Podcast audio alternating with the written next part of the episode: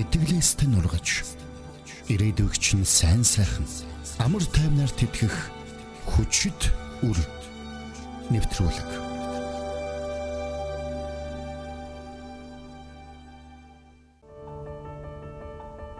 Би чи хөтөлбөрийн чиглүүлэгч багш Дэлгэр маа байна. Харин би Отгон сүрэн.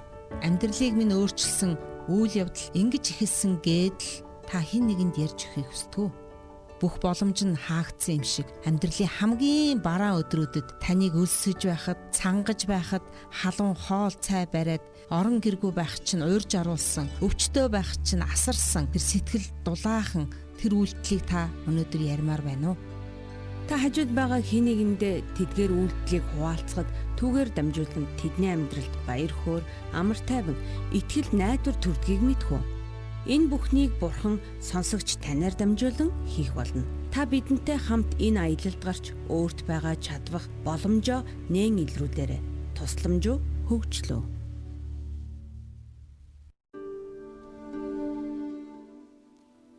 Итгэл радиогийн эфирээс хөчөдөр нэвтрүүлгийн шинэхэн дугаар хүрэхэд бэлэн болсон байна. Эфирт маань өнөр болуулаа цугласан байна.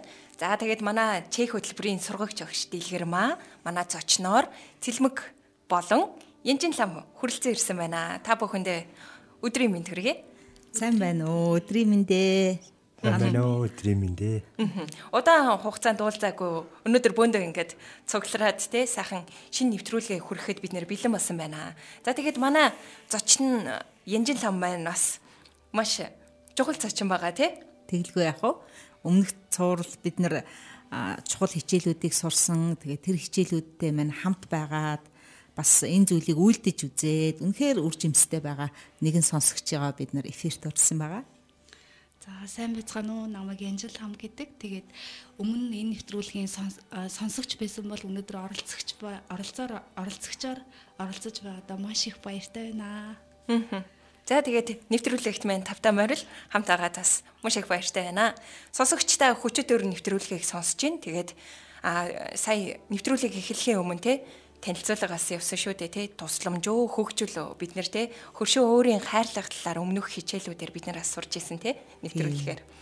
Тэгээд э, бид нар одоо жилийн дараа энд нэвтрүүлэг хоёр дахь цуврал явж байна энэ хугацаанд бас та нар маань олон зүйлийг хийцэн туршсан үнэхээр амтлаад үтцсэн байгаа бах. Тэгээ би бас эфирт байгаа цэлмэг янжил хам бэлгээгээ хараад үнэхээр талархалтай байна. Тэгээ бүгдээрээ бас өнгөрсөн жилүүдэд бас юу болсон талаараа хэдүүлээ ярилцъя л да тхөө.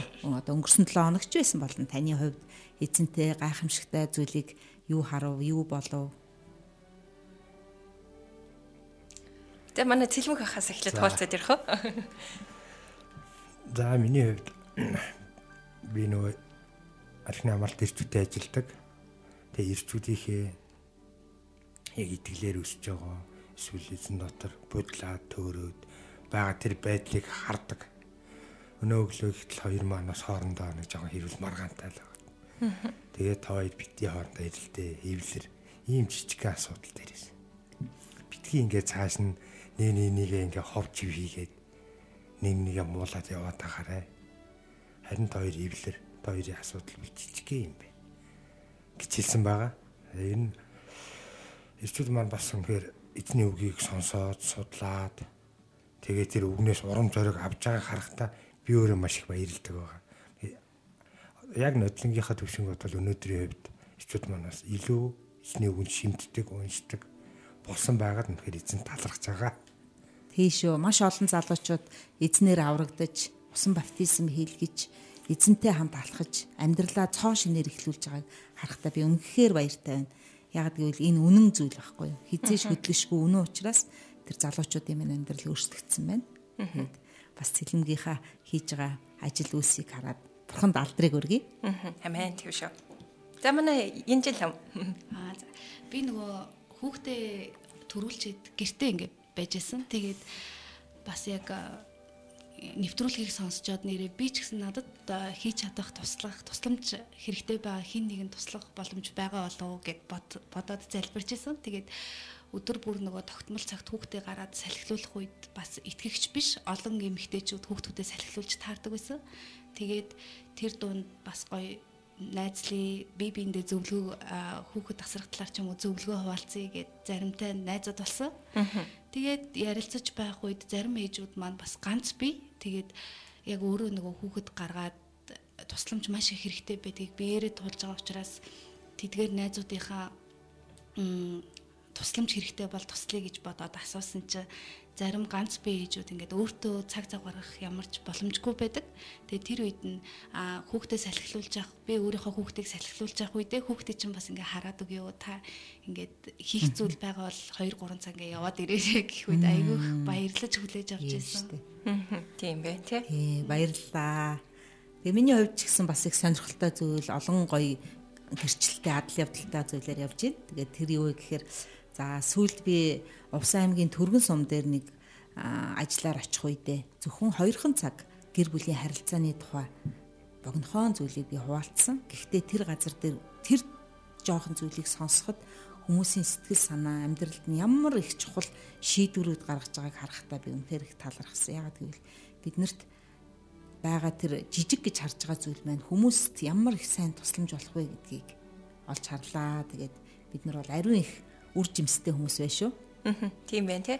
Тэгээд өнгөрсөн жилгээд ингээ бодохоор бас маш олон зүйл ингээ болоод өнгөрсөн байна л да. Тэгээд яг нэвтрүүлэгтэйг ингээ холбоод бодох юм бол нөгөө хар хараа өнцөг маань ингээд өөрчлөгддөг юм байлээ.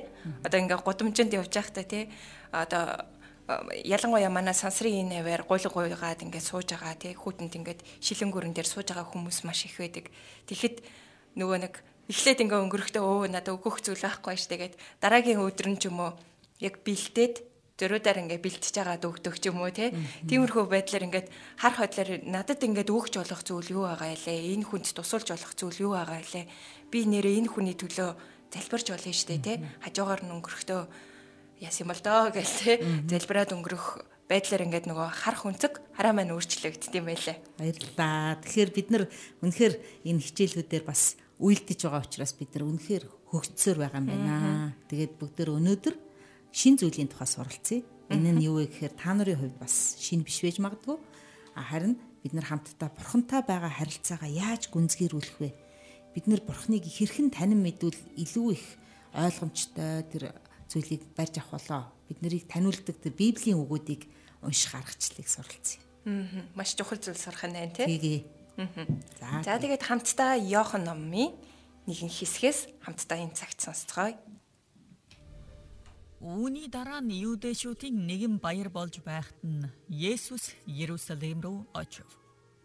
Ерүсалимийн хоньны хаалганы дэргэд еврейгээр Бетзада гэдэг цөөрөн байдаг.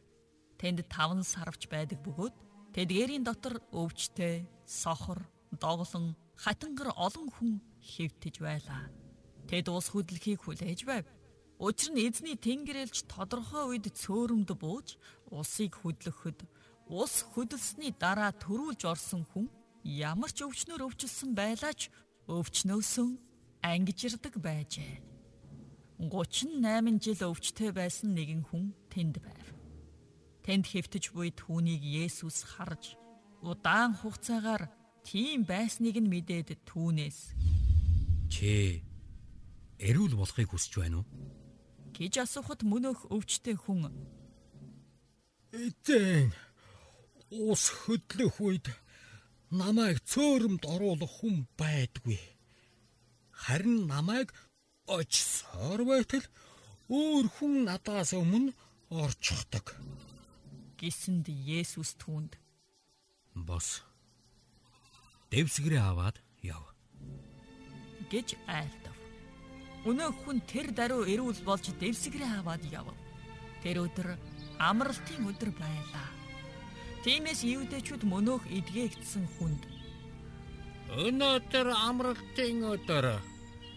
Та дэвсгэрээ авч явж болохгүй гэж Харин тэр тэдэнд намайг идгээсэн нэгэн надад дэвсгэрээ аваад яв гэсэн гэж хариулахад тэд дэвсгэрээ аваад яв гэж хэн танд хэлсэн бэ гэж шалгаав. Гэвч мөнөөх идгээгдсэн хүн түүнийг хэн байсныг мэдээгүй юм. Учир нь тэр газарт олон хүн байсан тул Есүс зайлан явсан байлаа. Дараа нь Есүс түүнийг сүмд олоод Харагтун. Чи эрүүл болжээ. Чамд илүү муу юм тохиолдохгүй тулд дахиж нүгэл бүү үйлд. гэв. За тэгээ бүгдээр энэ түүхийг маш олон удаа сонссон байгаа. Тэгэхээр энэ удаа ч гэсэн бүгдээр ахаад нэг шинэ аргачлалаар олборлох аргаар сурцгаая. Юмыг олборлно гэхээр яа гэсэн үг лээ? Алт олборлно гэвэл бид нар яах вэ? Харгаж ширээ. Дотроос нь бүр шигшинтэй усаар угаан, тэн дотроос нь цэвэршүүлснийг нь олж авна шүү дээ, тий. Тэгээ тэрэн шиг бүгдээрээ ийм арга сурах гэж байгаа. Тэгэхээр энэ түүхийг дахиад хин нэгэн хүн давтан уншиж өгөх боломжтой. За. Би уншчихъя. Дараа нь Юдэшүүдийн нэгэн баяр болж байхад Иесус Иерусалимд очив. Иерусалимийн хоньны гулдан хаалганы дэргэд еврейгээр Бицада гэдэг цөөрөн байдаг. Тэнд таван сарвч байдаг бөгөөд тэдгээрийн дотор өвчтөе, сохор, доглон, хатангар олон хүн хэвтэж байлаа. Тэд ус хөдлөхийг хүлээж байв. Учир нь эзний тэнгэрлэгч тодорхой үед цөөрөнд бууж усыг хөдлөхөд ус хөдлсөн даруйд төрүүлж орсон хүн ямар ч өвчтөе байсан эдгэрдэг байжээ. 38 жил өвчтөе байсан нэгэн хүн тэнд байв. Тэнд төвчж буй түүнийг Иесус харж удаан хугацаагаар тийм байсныг нь мэдээд түүнээс чи эрүүл болохыг хүсэж байна уу гэж асуухад өвчтөе хүн эзэн ус хөдлөх үед намайг цөөрөмд оруулах хүн байдаггүй. Тэгээд ч намайг очиор байтал өөр нэгэн надаас өмнө орчихдог гэсэнд Есүс түнд бос дэвсгэрээ аваад алах гэж айлдав. Өнөөх хүн тэр даруй ирүүл болж дэвсгэрээ аваад алхав. Тэр өдөр амралтын өдөр байлаа. Тиймээс евдээчүүд мөнөөх эдгээгдсэн хүнд өнөөдөр амралтын өдөр чи дэвсгэрээ авч явж болохгүй гэжээ. Харин тэр тэдэнд намайг эдгээсэн нэг нь надад дэвсгэрээ аваад алах гэж гисэн гэж хариулахад тэд дэвсгэрээ аваад алах гэж чамд хэлсэн хүн хинбэ гэж шалгав. Гэвч хэн байсныг өнөөх эдгээгдсэн хүн мдээгүй юм.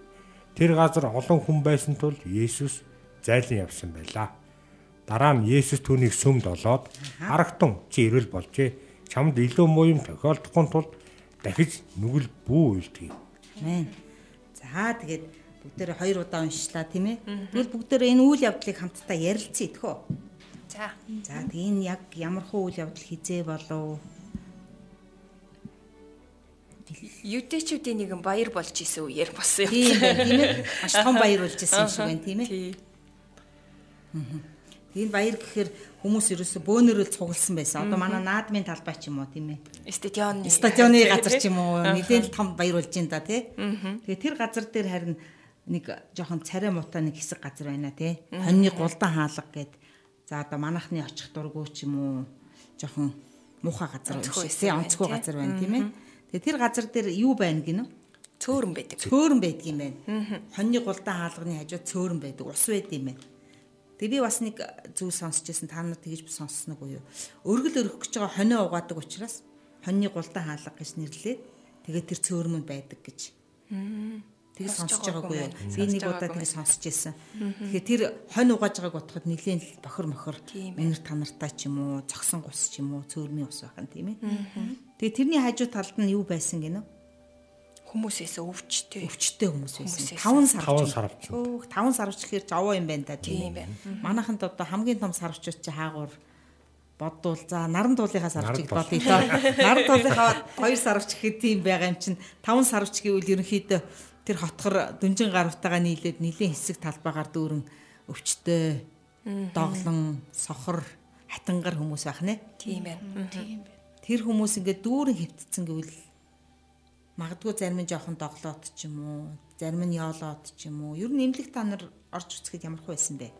Их хүнд өвчтэй хүмүүстэй газар. Ялангуяа Маш олон өвдсөн хүмүүс харагддаг шүү дээ. нэг дайнтай кинон дээр Тийм шүү дээ, тий. тийм үйл явдлыг хардаг тийм. Энд тэндгүй явуулсан.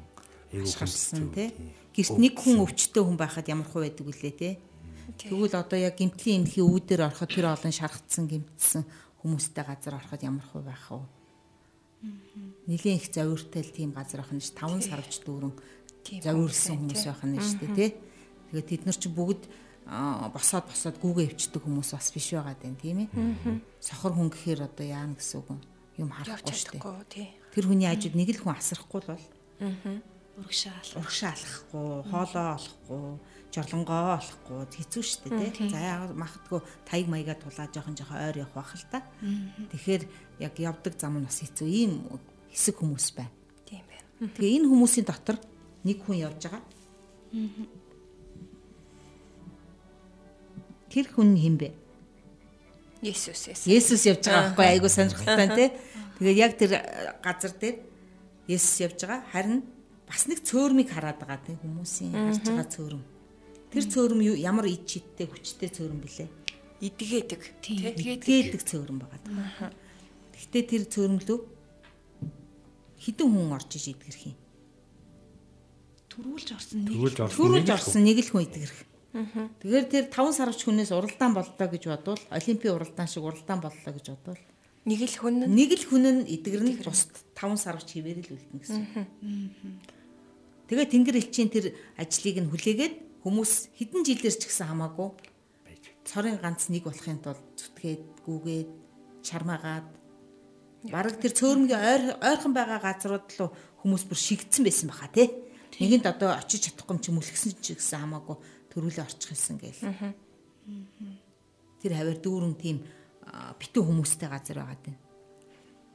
Тэгээ харин яг энэ дотор нэг хүн бид нар бол анзаарах уу? Ер нь 5 сарвч наран туулын сарвчин дотор байж байгаа ажил хийж байгаа юм худалдаж авч байгаа хүмүүсийг хараад энэ хүн ийм асуудалтай ч юм уу гэд мэдэх боломж байдгүй бид нарт хүн болгоныг тэгж харах мэдхгүй шүү дээ тий. Харин энд Есүс яг нэг хүнийг онцолж ярьж хэлж байгаа нэг хүний тухай. Тэр хүн ямар хүн байна гинэ? 38 38 жил өвчтөө байсан хүн. Нэг ол- олж харсан байна. 38 жил гэвэл бидний амьдралаар бодвол хэр зэрэг удаан. Бараг надаас ч урт насэлсэн хүн. Тийм бай тээ. Тийм. Тэгээ Хүний 38 амьдралын тал нь тал нь бүр илүү их нь те Даарч. нилээн их талаас нь ч их хугацааг хөвтөж өнгөрүүлж байгаа хүн шүү дээ. Тийм байна. Тэгээд тэр сарвчин доор хөвтөж явахдаа бодож байгаа юм нь юу бол?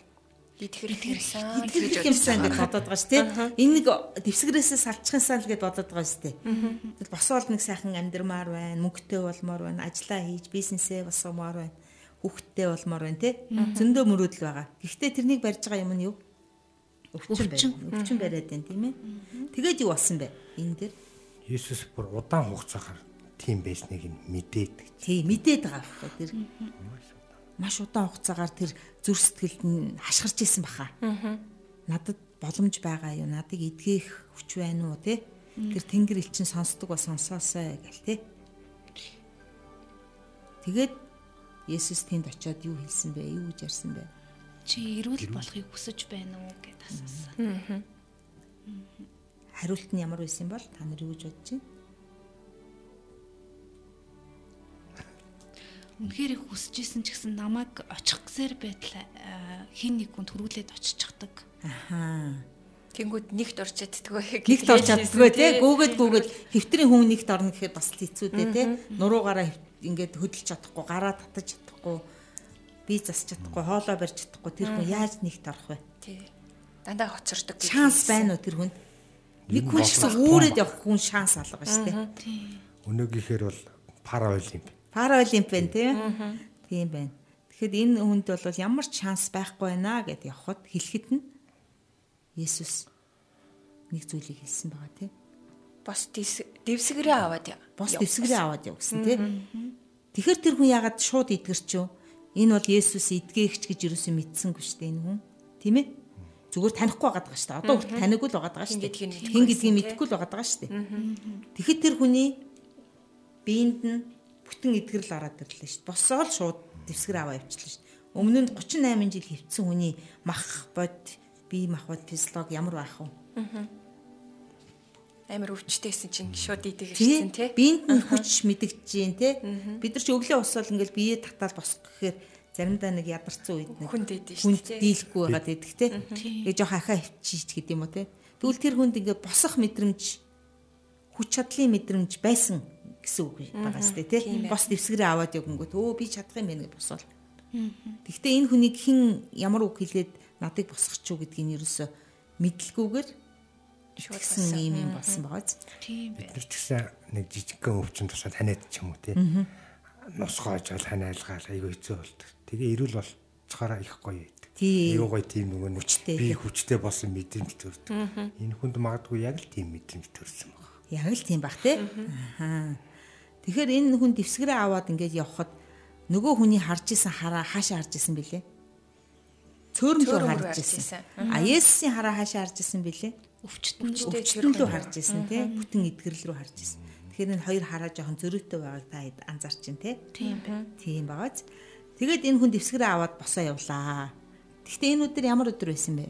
Амралтын үед. Амралтын өдөр тийм дээ. Хуулийн дагуу тий. Хуулийн дагуу ерөөсө хөдөлж болтгүй өдөр шүү дээ.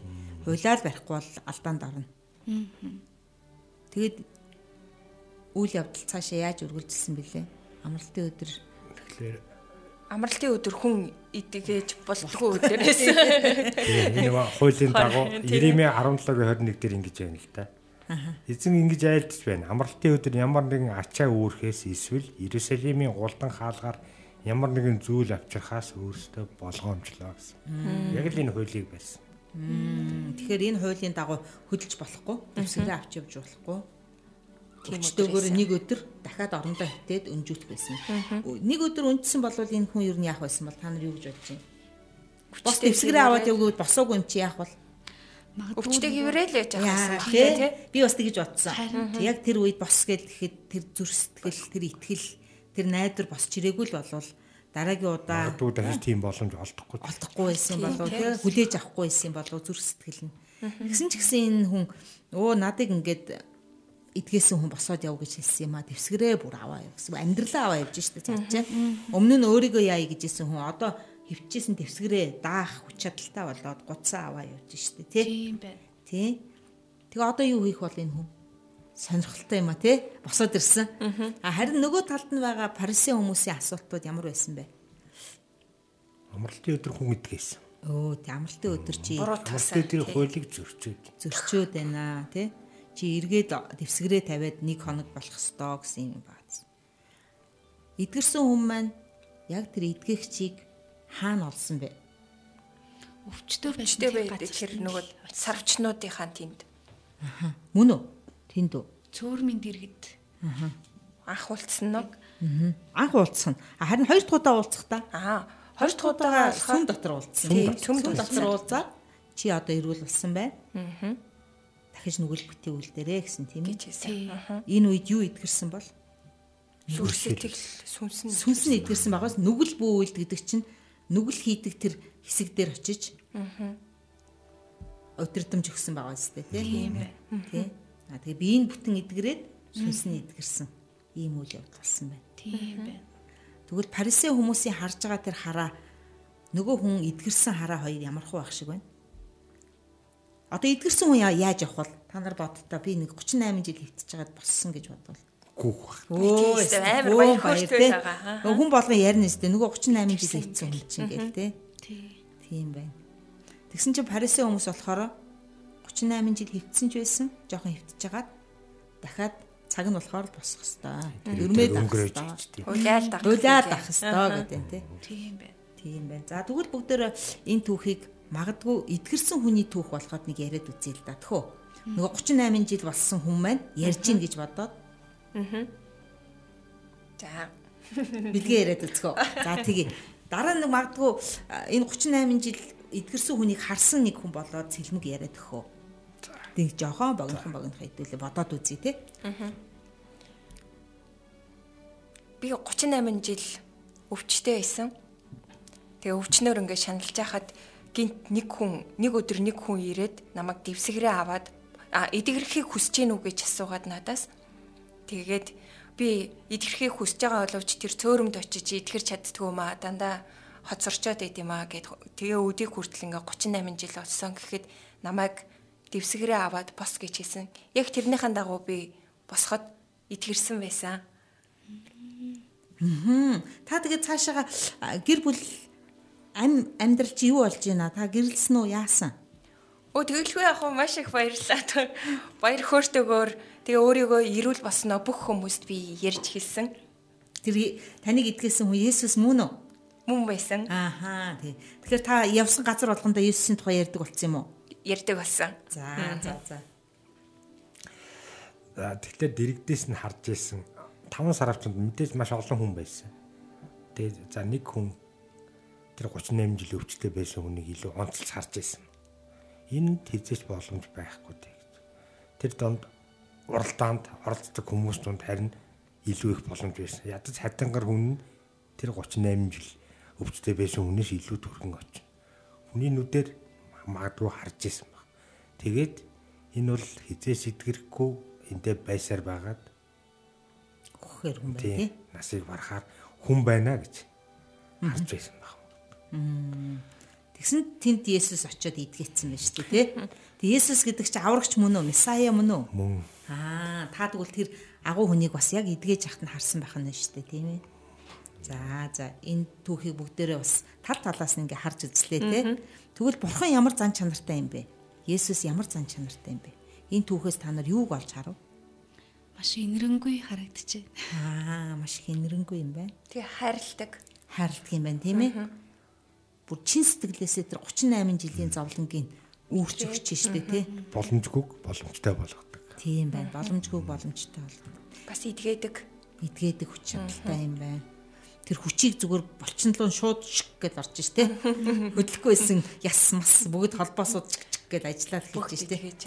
Хавдрууд ч гэсэн эдгэрэл биеү ч гэсэн сэргээл байгаа ш тэ тийм ээ. Тэгээ зөвхөн махан бие биш. Бас зүрх сэтгэл сүнсийг бас идгээд юм Бүрэн эдгэрэл хийх юм байна те. Бүрэн Сүнстэй бүтэн эдгэрэл хийх юм байна. Бас түүний үгэнд хүч чадал нь байдаг юм байна. Ааха. Бос гэж хэлэхэд л тэр босч юм тийм ээ. Тэр үгийг бид нар амаараа хэлэхэд бас хүч байх нэ. Өнөөдөр бид нар энэ үгийг уншиж хахад бидний зүрхэнд хүч орж ирсэн байх нь шин. Бас бос гэд хэлэхэд нь энэ намайг босгодог хинбэ гэж тэр хүн бодоагүй шууд Үлдсэн, өмнө. тий. Итгэж гисэн те. Би босох ёстой байна гэж боссон байна тийм ээ. Энэ гайхалтай тохиолдол байна тийм ээ. Тийм ээ. Тийм байна. Бурхан тэгээд яг тэр хүнийг ингээ орхичуул нь орхичондоо тий. Тэгтээ эргэж ирээд заавал уулзаад надыг идгээсэн хүн хин юм болоо гэсэн тэр эргэлзээг нь Тайлбарч бүтэн тий. тий зогсоогоод Есүс байна гэдэг. Тэр зүйлийг хийд юм байна. Есүс биднийг эргэлзүүлдэг юм байна. Миний бодлоор. Яг бодиттой болгодог юм байна үйлдэлүүдийг мань. Тэгээ Есүс яг тэр сарвчин дундуур голоор нь ингээ явж идэг юм байна. Асуудлуудын голоор явж байгаа юм байна. Бидний амьдралын голоор явж байгаа юм байна. Харин бид нар тэр тусламжуудыг эзнээс авахд эзэн бүтэн өөрчлөлт хийдэг юм байна. Амен тийм байна. Тийм байгааз. Аха.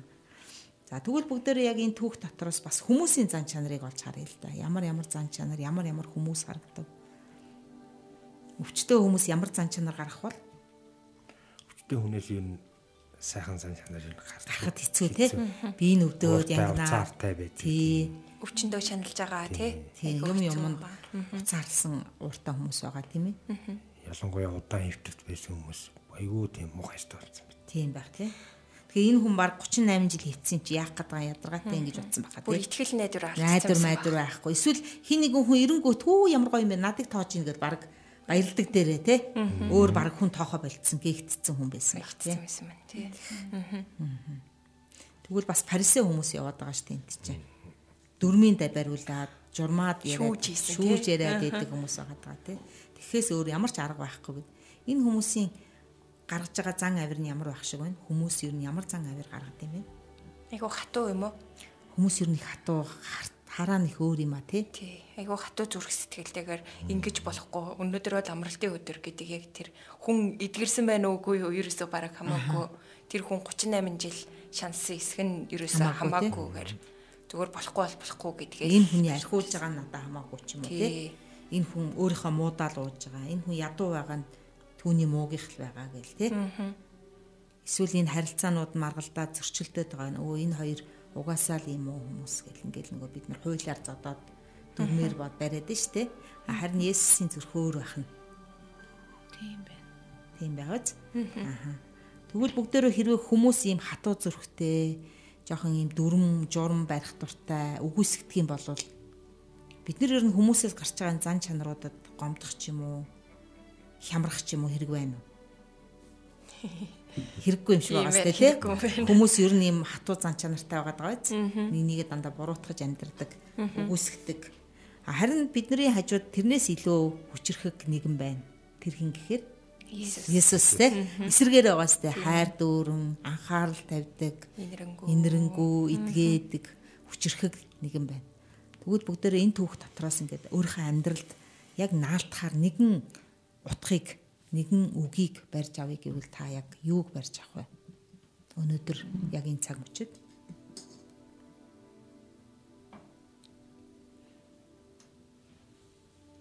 Миний хувьд нэг юм чухал зүйлийг харлаа л да. Тэр юу гэхээр бос дэвсгэрээ аваад яв гэдэг энэ үг бидний орон нутагт бидний амьдрал дотор бид нар чинь дэвсгэрээ тавьчаал амьд боломж байхгүй тэр нь тэгээд байн тийм юмч байхгүй энэ ч байхгүй тэгж чадахгүй мөнгө нь байхгүй мэдлэг нь алга чадвар нь алга гэдэг ингээд зөндөө олон болохгүйтэй хөвтөд байгаа шүү дээ. Тэгвэл хэрвээ Есүс биднэрт бос дэвсгэрээ аваад яв гэсэн бол бид нар сүнх гэж босоод ажиллах эхэлнэ гэсэн үг шүү дээ. Боломж заавал байгаа гэж ажиллах эхэлнэ гэсэн үг шүү дээ. Энийг би яг зүрхэндээ бас үлээж авчихна. Дуулууртай байдал бас айгуу чухал юм байна гэж бодлоо. Тэгээд яг тэг гэл хэлэхэд нь яг түүнийхэн дагуу үйлдээд тэглээрээ босч ирээд те хүсвэл би одоо дэвсгэр дээр ингээ хөвтөл авах боломжтой те харин бидний нөгөө хараа яг нөгөө Есүс рүү ингээ тавигдах үед бусдын хэлж байгаа үгийг тоохгүйгээр яг л Есүсийг харах юм бол босч ирээд түүнд бас ингээ дуулуурт явал амьдрал өөрчлөлт болд юм байна гэдгийг харлаа. Тийш үү? Тийм үү. Эзэн бид өөртөө боломжгүй бид өөртөө хараагаар өөртөө бодлоор эзэж боломжгүй боддог байсан тэр зүйлийг боломжтой болгодог. Итгэхээсэ гэж хүсэж байна хүмүүс. Тэгэхээр маш олон гайхамшгуудыг үйлдэлсэн Иесус өндөө олон гайхамшгуудыг үйлдэж хүмүүсийг бүр гайхшруулсан алмаар болсон. Тийм түүхүүд зөндөө гардаг. Өнөөдөр ч гэсэн тэр түүхүүд амьд яг боддороо биелэлээ олоод явж чинь тийм ээ. Бидний амьдралд эргэн тойрод маш олон гэрчлэлүүд явж чинь. Тэгэхээр бид нар амьд түүхэн дотор амьдарч байна. Есүс амьд учраас өнөөдөр бид нар ч амьд. Амен. За тэгвэл би бас энэ түүхийг та нарт эргээд нөгөө дурсах цаг болгоод өнгөрсөн жилийн хичээлүүдтэй холбоод би та нарт бас жоохон эргэж сануулахыг хүсэж байна. Ягаад гэвэл өнгөрсөн жил бид нөр хөршөө хайлах тухай хичээлийг сурсан байгаа те хөршийнхөө хэрэгцээг яаж харах вэ? Хонь ямааны түүх гээл баруун гар талдаа, зүүн гар талдаа гээл те өлсөж байхад минь, өвчтөө байхад минь гээл Есүс өөрөө өвчтөө байхад нь үлдсэн байгаа үстэй тийм ээ. Тэгэхээр бид нар бас үлдэн гэсэн үг байхгүй юу? Бид нар бас өвчтөө, өлсгөлэн байхад нь үлдэн гэсэн үг. Тэгээ Есүс бас бие махбод сүнслэг эдгэрэл хоёрыг дандаа хамт хийжсэн тухай сурсан. Энэ удаа бас яг хамт хийцэн байгаа үстэй тий. Биеийн эдгээгээд сүнсийн эдгээсэн. Тэгэхээр бид нар ч гэсэн бас хүмүүстээр очихдоо биеийнхэн тухай хоол өгж байгаа бол сүнснийхэн тухай амийн үгээ яриарай л гэсэн үг. Энэ түүхийг та сонсоод тааламжтай байгаа бол та өөрийнхоороо тэр хүнд түүх ярьж өгөрөө л гэсэн үг байхгүй. Есүс ингээд Бицада нуурын иргэдээгүүр явж байгаа гэл ингээл ярих нь шүү дээ. Заавал номоо онгоолгоол зовхгүйгээр. Тэгэхээр энэ бол сүнслэг эдгэрлийн хүч байх нэ. Тэгээ дээрэс нь бид нэг ингээл сайн сайхны төлөө хөршөө хайрлах ийм ажлыг хийх гэхээр санхүү мөнгө яах вүлээ гэж бид нар бас нэг хичээл сурсан. Тийм ээ өглөг өгөх тухай. Тэгээ бурхан тэр 50000 хүнийг яаж хоолсон зүгээр тэгээ хооллоод нэг өлөн зөлмөн за баяртай гэсэн юм уу? Илүү гараад бүр дараа дараагийнх нь ажил нь ундраад байсан юм уу гэдгээд сурсан тийм ээ. Тэгэхээр энэ зүйлүүд бас яг энд энэ хүн ингээд ганцхан хүн эдгэрчээгүй. Энэ хүн эдгэрсний дараа юу болсон бол Есүсийн тухай тасралтгүй яриа болсон байгаа байхгүй. Бөөн шууган болно ш 38 жил нөгөө хөвтөд байсан нөгөө манай балдан чинь босоод ирсэн гэл ярина нэстэ. Нөгөө Есүс гэдэг хүн чинь идгээцэн гинэ. Тэр Есүс дээр нөгөө чимгээгээ аваад очие бол гээл те. Доржигоо аваад очие. Дулмаагаа аваад очие. Есүс идгээд юм байна гэл. Тэр цуглаан дотор ирээд идгрээд олоод ингээд ясан байх нь штэ. Тэгэхээр энэ зүйл хамгийн сүүлд нь бид нар ямар хичээлээр суралцсан гэхээр бүрэн бүтэн харилцаануудын тухай сурсан тийм ээ. Бурхантай харилцах харилцаа. Өөртөөгөө харилцах харилцаа тий. Бусдаа харилцах харилцаа байгальтай харьцах харилцаа. Энэ дөрвөн харилцаа яасан тухай бид нар сурсан. Та нарын бодлоор энэ харилцаанууд яаж өөрчлөгдсөн юм шиг харагдаж байна? Энэ өвчтөн хүн бурхантай харилцах харилцаа ямар болсон бол? Лөө ойр татнал болсон баг. Тий, нүгэл бүүлдгээд хилцсэн ш. Тэгэхээр чин гим нүгэлгүй болсон юм чинь бурхантай шууд харилцаатай болцсон байгаа шүү дээ. Бурхан ааваа гэж харилцах болцсон байгаа шүү дээ, тий. Ингээ одоо нөгөө өөрөө ингээ гоё эрүүл хүчтэй болцсон юм чинь өөрийгөө явах би ч гэдэг хинт чирэггүй дээ гэдэг байсан бодол чинь байхгүй болсон шүү дээ. Би бүх зүйлийг хийж болно, чаднаа. Миний мөрөөдөл биелнэ гэж дайрах нь шүү. Өөрөө бас хүмүүс туслах гад тийм. Өө тийш дээ. Иесус өөртөө туссан шиг өөрөө ч гэсэн хүмүүс туслах тийм гоё зүрх сэтгэлтэй болсон. Тийм магадгүй тэр сарвчин дээр эргэж ирээд нөгөө хөршүүддээ тусалж эхэлсэн баха. Асуудлуудад нь ингэдэг ингэвэл би тгий гэдэг ингээд туслаад явж ирсэн баха. Есүс энд байгаа гэдээ яриа л те.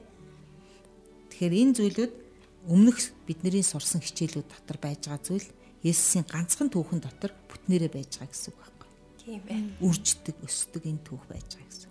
За тэгээд бүгдээр энэ Библийг түүхийг олборлох аргаар уншлаа. За би эргээд сануулъя. Бид нэг удаа уншсан, хоёр удаа уншсан. Тэгээ нэг удаа ярьсан, хоёр удаа ярьсан тий. Эхлээд бид нэр тал талаас нь түүхээ босгоо ярьсан. Дараа нь нэг нэгээрээ өөрсдийнхөө бодлоор ингээд ярьж үзсэн тий. Тэрний дараагаар бид нэг гурван асуултанд хариулсан. Бурхан ямар зан чанартай вэ? Хүн ямар зан чанартай вэ? Би амьдралдаа юуг өөрчлөх вэ? Одоо тэгэхээр энэний хамгийн сүүлийн даалгавар буюу та энэ түүхийг хэн нэгэн хүнд ярьж өгөөрэй. Тэгхийн бол энэ түүх амьд байж таны амьдралыг бүтэн өөрчлөх тэр ажиллагаа нь явагдана. Та ярих тусмаа л түүх дотроос мэрэгэн ухааныг олж авах болно. За ингэж урамшуулъя. За. Маш чухал юм байна. Баярлаа. За.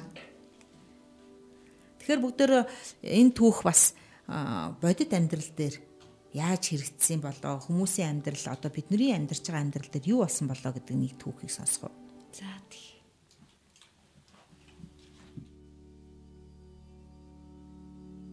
Одоогоос 17 жилийн өмнө Улаанбаатар хотод Ховд аймгаас нэгэн залуу гэр бүл ирж суурьшжээ. Тэд нутагта байхдаа Христийн цуглааны тухай сонсож байсан. Тэгээд хотод ирээд тэр газарт л бидэнд туслах хүн байгаа гэж найдсан байна. Энэ айл өвлийн дулаалгагүй гэрдэ. Түлээ түлшгүй, хоол ундгүй, хүүхэд нь өвлийн дулаан хувцсгүй байлаа. Тэд удалгүй нэгэн жижиг гэр цуглааныг олж Есүсийн тухай сонсож эхэлжээ. Тэр цуглааны нэгэн гэр бүл тэдэнд туслах болж өөрт байгаа бүхнээ хуваалцсан өөрсдийн бэлтгэсэн түлээнээс хуваалцаж бүр талах маасалтаа барьж ирээд хамтдаа Библийг уншдаг байлаа. Тэд энэ гэр бүлийг түлш хоолоор залгуулаа зогсохгүй. Амин сүнсний үгээр хооллож тэнхрүүлсэн. Заримдаа тэд тарьсан төмснөөсөө өгч явуулна.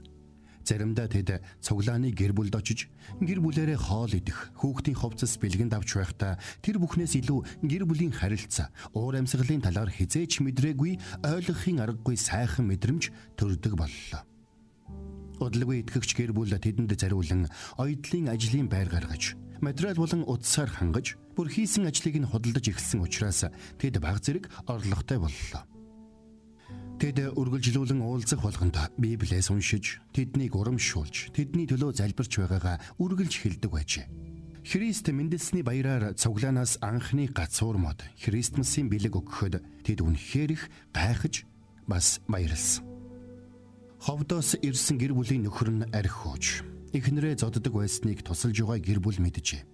Хэсэг хугацааны дараа эхнэр нөхөр хоёрт ойр дотн ярилцсан асуудлыг зөөлөн аргаар засаж нөхөр нь Библийн сургуульд орж эхнэр оюутлын бизнес хийж хүүхдүүдтэйгээ гэрийнхэн ойрхон өөр цуглаанд явдаг болжээ. Ингээд сүүлчийн уулзалтаас хойш 10 жилийн дараа саяхан 2023 оны 6 дугаар сард болсон Христ итгэлт бизнес эрхлэгчдийн чуулга уулзалтын үеэр энэ хоёр гэр бүлийнхэн уулзсан байна. Ховдын гэр бүл одоо өөрсдийн гэсэн бизнестэй бөгөөд Монгол үндэсний ховцос орчин үеийн загварлаг дээл ойдог болсон байна. Түүгээрч зогсохгүй. Энэ гэр бүл өөр хэн нэгний амьдрал өөрчлөгдөхөд туслан бизнес эрхлэхэд нь дэмжлэг үзүүлэх төлөвлөгөөтэй болсноо хуваалцжээ. За саяын түүхтэр юу гарав? Юу болсон бэ? Бүгдээрээ ярилцгаа.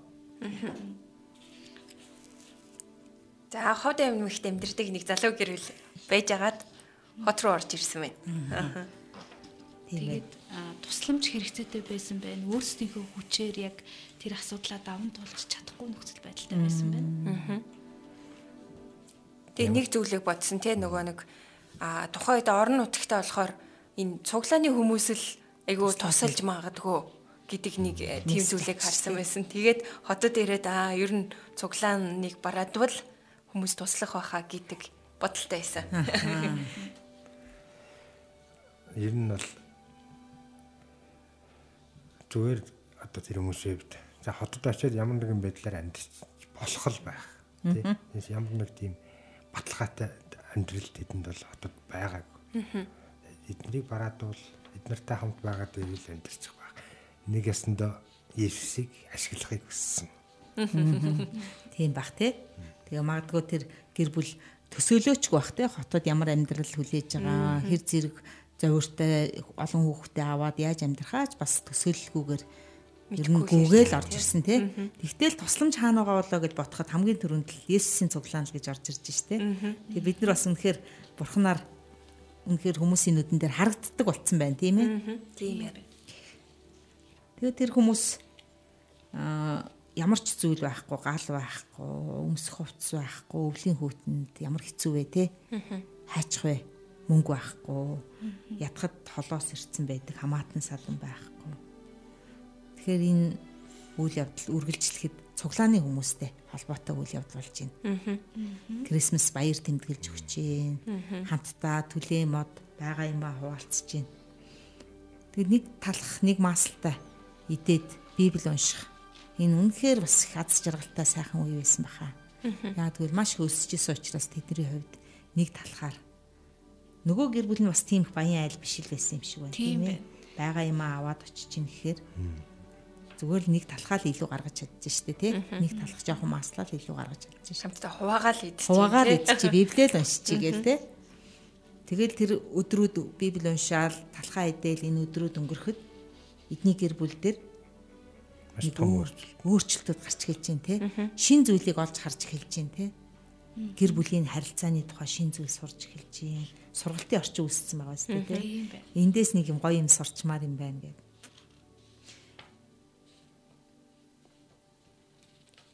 нөхөр арх ухаа болсон байна. Эхнэр оюутны бизнес эрхлээд тэр гэр бүлийн амьдрал тэр хүмүүсийн нүдэн дээр өөрчлөгдөөд сайн сайхан болоод ирж байгааг харж байна.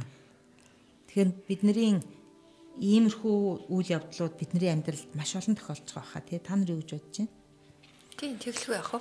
Тий Христ итгэлийн цуглаан бид нар өөрсдөө ч хин нэгэн хүнээс болоод хайрлагдсанаас болоод энд ороод ирсэн байгаа даа шүү дээ. Хин нэгэн хүн илүү талхаа надад өгснөөс болоод би энд ороод ирсэн сууж байгаа шүү дээ. Тэр үед маш их даарч өсөж исэн. Еврей номон дээр байдаг тийм.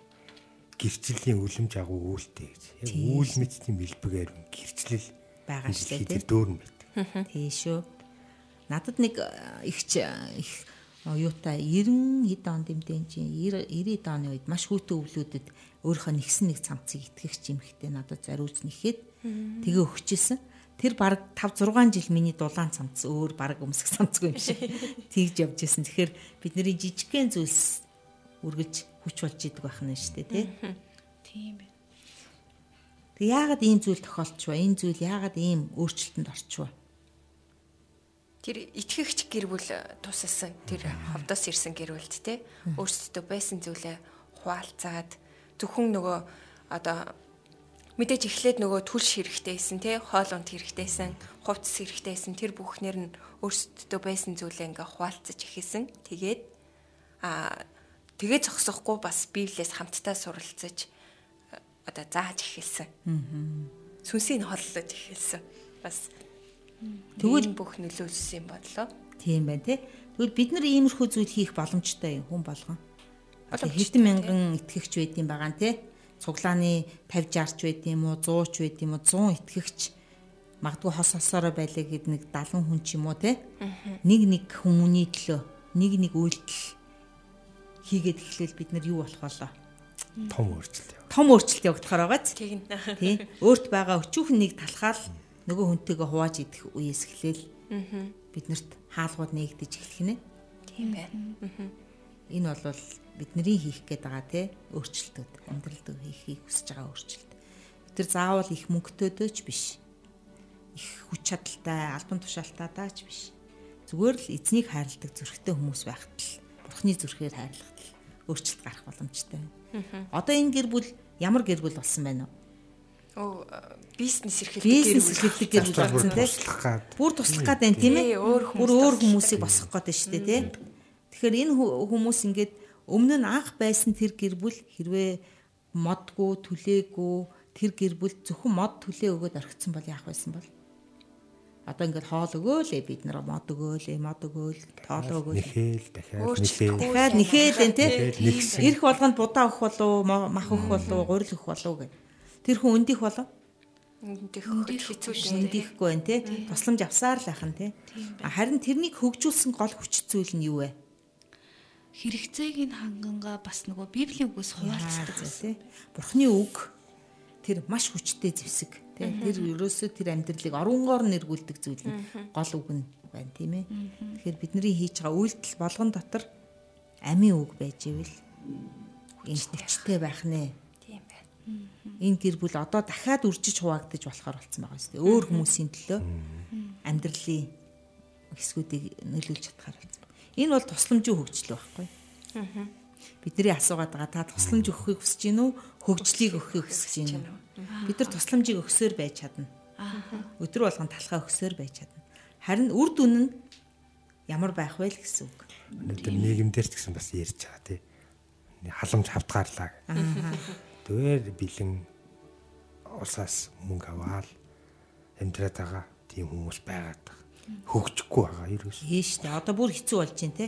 Карта аваад хоолоо идээл архиа уугаал ингээ байгаад байвал энэ хүмүүс ингээл байгаад байгаа. Тийм байна. Нөгөө тусламж өгөөд байх тусам авах хэрэгтэй юм шиг ажиллаад байдаг. Гэсэн хэрнээ яг нөгөө нэг өөрөө аа одоо оюун санаа нь хүчрхэгжээгүй ч юм уу тий. Бодол нь өөрчлөгдөхгүй Бодол нь өөрчлөгдөв. Үнц нь орж ирэхгүй штэ. Тэр Есүсийн үнц нь орж ирэхгүй штэ. Тийм байна. Чамааг би бүтээсэн энэ үнц нь одоо яг ийм байна гэдгийг оруулаад ирэх юм бол тэр хүн үнцэнтэй амьдрах нь. Тийм байна. Тэгэхээр бид нар тусламж өгөх болгондоо эзний үгийн тухай хамт өгөх тухай амин сүнсийг хооллох үргэлж ажиллах юм байна. За тэгээд өнөөдрийн хичээ хамтын ярилцлага маань ингэсгээд байна. Тэгээд бид нарт нэг хэдэн минут ээ. Тэгээд та нарт бас энэ хугацаанд бас ярихыг хүсэж байгаа зүйл юу вэ? Өнөөдрийн хоёр түүх Библийн түүх болоод энэ ховдын гэр бүлийн түүхийг ингээд сонсож байхад одоо яг л нөгөө нэг Есүстэй адил үйлцсэн байна л да ховдын гэр бүлдтэй тэр итгэгч гэр бүл зөвхөн нөгөө нэг махан биеийн хэрэгцээг нь одоо Есүс эдгээгээ зогсоогүй зүрх сэтгэлээ нь тэ сүнсийг нь хүртэл нөгөө эдгээсэн байсан шүү дээ. Яг үүнтэй адилхан одоо тэр ховдын гэр бүлд ховдоос ирсэн гэр бүлд тэр цуглааны гэр бүл яг л нөгөө хэрэгцээг нь хангахаас гадна зүрх сэтгэлийг нь бас нөгөө эдгээх тэр бурхны үгээр ингээд хоолсноороо тэр гэр бүлийн амьдралыг ингээд оронгоор нь үрчилсэн байна. Тэгэхээр бид нэр зөвхөн нэг зүйлийг нь харахгүйгээр аль альныг нөгөө хавдж явах нь айгүй чухал юм байна гэдгийг ойлголоо. Яг зөв те. Бид нар хамт ажиллах юм байна тийм ээ. Тэгээд тэр хавдын гэрүүлтэй итгэх гэр бүл яг тулж ажилласан баг. Цог библи судлаад эсний үгээс овалцаад. Зүгээр за суглаанд яваарай гэж хэлчихэд орхиогүй. Яг өөрөө бичлээ тэр гэр бүл ажилласан учраас өнөөдрийн юм уу үр дүнд хүрсэн баг. Тийм байна. Тэгээд энэ архиугаад эхнэрээ зодж байгаа гэдэг тэр нууц бол хэн болгонд хилдэг нууц биш шүү дээ. А, Нуудын шүү дээ тий. Хин ч ичгүүрээ гаргахыг хүсдэг. Тэгвэл энэ ичгүүрийг нь далдалж өгсөн байгаа шүү дээ тий. Энэ ичгүүрийг нь давх арга замын заагаад өгсөн байгаа шүү дээ хамтдаа. Тэгэхээр бид нэр хүмүүсийн ичгүүрийг далдалж Есүс бидний ичгүүрийг далдалсан шиг бид нэр тэр ичгүүрийг нь давх аргыг нь зааж өгнө шүү дээ. Тэгвэл бас их гоё байгаад байна тийм ээ. байна. Тийм. Хамт цуг дуулах юм байна. За тэгвэл бүгдөө өнөөдрийнхөө аа, ярилцлагыг дуусгаад тэгээ бүгдөө бас гэрийн даалгавар жижигхэн зүйлийг өгье. Тэгээ хэрвээ таны өнөөдөр та энэ түүхийг сонсоод библийн өгүүдийг сонсож байхдаа хин нэгэн хүний тухай бодогдсон бол те хин нэгэн асуудлын ямар нэгэн асуудлын тухай бодогдсон бол та бүр зориулт гаргаад дэвтэр гаргаад тэрэн дээрээ бичээд залбираад алхаад үзээрэй гайхамшиг үргэлж бид нарыг хөтлөнө. Тэр гэр бүлийн төлөөх Бурхны хүсэл танаар дамжуулаад яг танаар дамжуулаад биелэлээ олох болно. Хм ямар гоё юм бэ тий. Тийм байна. За тэгээд бас манай нэвтрүүлэгтэй хамт хийсэн сонсогчид маань бас э, хэлсэн байна. Бурхны үг бол хүчтэй. Есүс дотор бүх бүрэн эдгэрэл байдаг юм аа. Амен гэж бас Тийш. байна. Тэгээд хүчит өрн нэвтрүүлэгтэй хамт хийсэн сонсогчтойнд баярлалаа. Тэгээд нэвтрүүлэг маань бас маш сайхан тунхаг хэлдэг байгаа тийм нэвтрүүлгээ дуусгахаас өмнө. Тий, урайтай байгаа. Тэгээд энэ цагт эхлээд тунхаага хүлээ аваад сонсъё те. Тэгээ. Би Ерөөлийн сууг байхаар сонгогдсон амьд бурхны хүүхэд. Би Есүсийн үлсийг үргэлжлүүлэгч нэг. Би ариун сүнсний тусламжтайгаар урагцаа нөгөх хүчит үр. За хамтдаа өөрийгөө хэлцгээе. Би ерөөлийн сууг байхаар сонгогдсон амьд бурхны хүүхэд. Би Есүсийн үлсийг үргэлжлүүлэгч нэгэн. Би ариун сүнсний тусламжтайгаар ургацаа өгөх хүчит өр. Баярлалаа. Амен. За ингээд хүчит өрийн нэвтрүүлэгтэй хамт байсан сонсогчтанд баярлалаа. Энд хүрээд хүчит өрийн нэвтрүүлгийн эхний дугаар маань өндөрлөж байна. Мегмар гараг бүрийн 10 цагаас хүчит өрийн нэвтрүүлэг хурж явах болно. Ирэх 7 хоногт энэ цагта эргээд уулзцаая. Амьдралын тань хөрснөөс аз жаргал амар тайвныг ургуулах шидтэй хүчит үр нэвтрүүлгийг өсвөрийн дуудлага төрийн бус байгууллагатай хамтран бэлтгэлээ.